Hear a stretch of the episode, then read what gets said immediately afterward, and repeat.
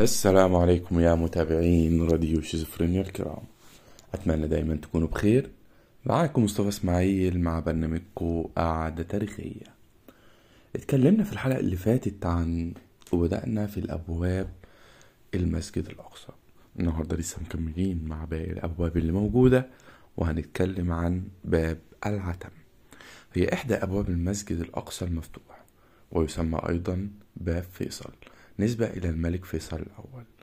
وقد جدد بناء هذا الباب في الفترة الأيوبية في أيام الملك المعظم ابن الملك العادل أبو بكر بن أيوب سنة 1213 وذلك عند تجديد الرواق الشمالي للمسجد الأقصى. ويعرف أيضا عدة بأسماء هو باب الدويدارة وباب الملك فيصل وباب شرف الأنبياء. وتتكون الواجهة بتاعته من فتحة ارتفاعها أربعة متر وعليها باب خشبي من دفتين يتقدم من الجهة الجنوبية درج تعد جزء من الرواق الشمالي وهي مغطاة بعقد صليبي ومدخل الدرج عبارة عن قوس مدبب ضخم وهو يقع ضمن سلسلة أقواس الرواق الشمالي. باب الغوانمة أو باب الوليد. إحدى أبواب المسجد الأقصى المفتوح. ويعتبر أول باب يشيد في الجدار الغربي ابتداء من الناحية الشمالية وأنشئ في العهد الأموي. وعرف آنذاك باسم باب الوليد نسبة للوليد بن عبد الملك. وجدد الباب عام 1307 وذلك عند إنشاء الرواق الغربي للمسجد في عهد قلاوون والباب مستطيل الشكل نسبة عرضه إلى ارتفاعه لباقي أبواب المسجد تعد صغير وعلى المدخل باب خشبي من دفة واحدة من الخشب. يوجد به خوخة صغيرة وإحنا قلنا الخوخة هي باب صغير داخل الباب الكبير يسمح بمرور شخص واحد. ليميزها من الباب ويتقدم الباب من الجهة الشرقية. دهليز معقود بعقد برميلي وجهته عقد حجري مدبب يرقى الباب بواسطة 8 درجات عن ساحة المسجد الأقصى المبلط وبجانب الباب عقد مدببة أخرى لكنها مغلقة. باب الناظر. هي إحدى أبواب المسجد الأقصى المفتوح ويقع في الجدار الغربي لساحة المسجد الأقصى وجدد بناؤه في الفترة الأيوبية سنة 1203 ميلادية في عهد الملك المعظم عيسى بن أحمد. وله عدة أسماء أخرى متداولة مثل باب الحبس لقرية من الحبس أيام العثمانيين وباب المجلس. يتقدم الباب من الجهة الشرقية درج مربع يقع ضمن امتداد الرواق الغربي ويغطيها قبة مرفوعة على ثلاث صفوف. أما فتحة الباب هي عبارة عن مستطيل ضخم ارتفاعه أربعة ونص متر وعرضه اتنين متر. ويعلو الفتحة المستطيلة قوس موتور تعلوه زخرفة على شكل رواق صغير وتنفصل مساحة الدرك عن بقية الرواق بأقواس مدببة. وعلى الدعامات التي تقع على عقد المدخل المدبب والعقد المجاور له من عقد الرواق. ويبين النقش تاريخ البناء والسلطان الذي جدد في عهده. وتقدم الباب قنطرة مغطاة بقب متقاطع يؤدي إلى طريق باب الناظر المؤدي إلى طريق الواد. باب الحديد. إحدى أبواب المسجد الأقصى المفتوح ويقع في الواجهة الغربية للمسجد الأقصى وهي أحد مداخل المتفرعة عن طريق باب العمود. وسمي بهذا الاسم نسبة إلى الأمير أرغون الذي يعني باللغة التركية الحديد. وقد جدد في عهد بين 755 هجرية أي عام 1354 ميلادية.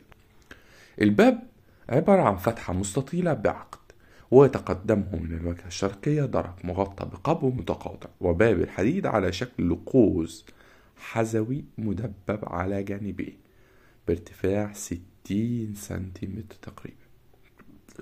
ويعلو الباب وجهة تعود للفترة المملوكية وتتوسط هذه الواجهة نافذة معقودة بعقد مدبب. باب القطانين. إحدى أبواب المسجد الأقصى. ويقع في الجهة الغربية لساحة المسجد الأقصى ويعد من الأبواب الرئيسية الهامة والجميلة المؤدية للمسجد ويؤدي هذا الباب إلى سوق القطانين ومنه جاءت تسميته. وجدد في عهد السلطان قلاوون عام 1336 ميلادية.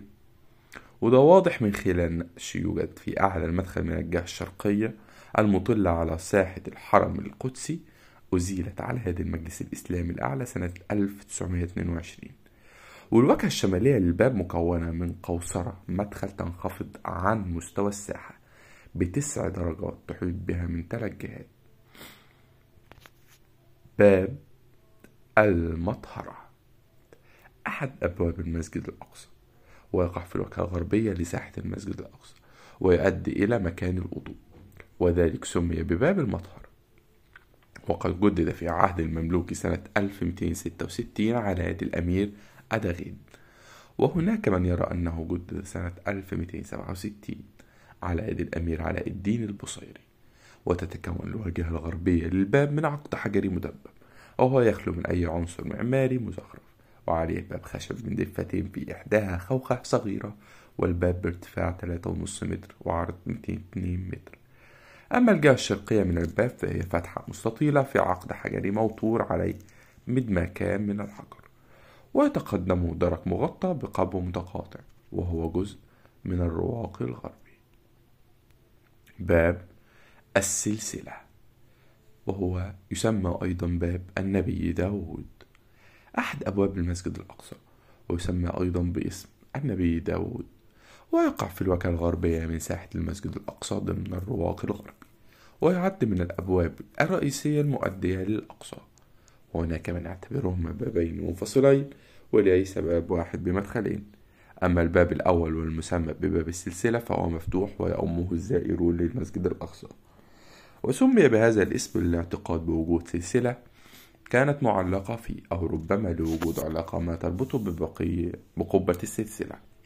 أما الآخر فهو باب السكينة وواقع شمال باب السلسلة هو ما لاصق له والباب لا يفتح إلا في حالات الطوارئ والضرورة القصوى وقد جدد هذا البابان في الفترة الأيوبية عام 1203 في عهد السلطان الملك العادل سيف الدين أبو بكر. هناك من يرى أنه في عهد الملك المعظم عيسى.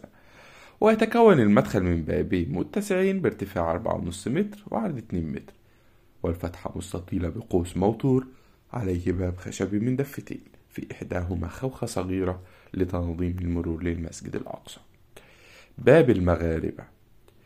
أحد أبواب المسجد الأقصى المفتوح ويقع في الزاوية الغربية الجنوبية لساحة المسجد الأقصى وسمي بباب المغاربة لأنه يوصل إلى حارة المغاربة غرب الأقصى ويعرف أيضا بباب البراق وباب النبي حيث يعتقد أن الرسول صلى الله عليه وسلم دخل منه إلى المسجد الأقصى المبارك ليلة الإسراء والمعراج. ويعتقد بعد المؤرخين أن عمر بن الخطاب دخل منه إلى الأقصى أيضا بعد الفتح. حيث أورد ابن كثير إذا دخل عمر من الباب الذي دخل المسجد الأقصى المسجد الأقصى منه الرسول. وأعيد بناؤه في الفترة المملوكية في عهد السلطان الناصر محمد ابن قلاوون الذي قام بإنشاء الأروقة الغربية ما بين سنة 1305 و 1336 وبكده نكون خلصنا مع بعض الأبواب المفتوحة في المسجد الأقصى. لسه فاضل بعض الأبواب المغلقة اللي ما بتتفتحش إلا في بعض الحالات الطارئة جدا. دول هنتعرف عليهم في حلقتنا الجاية. بفكركم بحاجة مهمة أوي. إن شاء الله هتشوفوني في حاجة جديدة مختلفة بفكرة جديدة وشكل جديد وبرنامج جديد استنوني. بكده تكون خلصت حلقتنا النهاردة من برنامجكم قعدة تاريخية كان معاكم مصطفى إسماعيل من راديو شيزوفرينيا. وفي الختام طبعا سلام.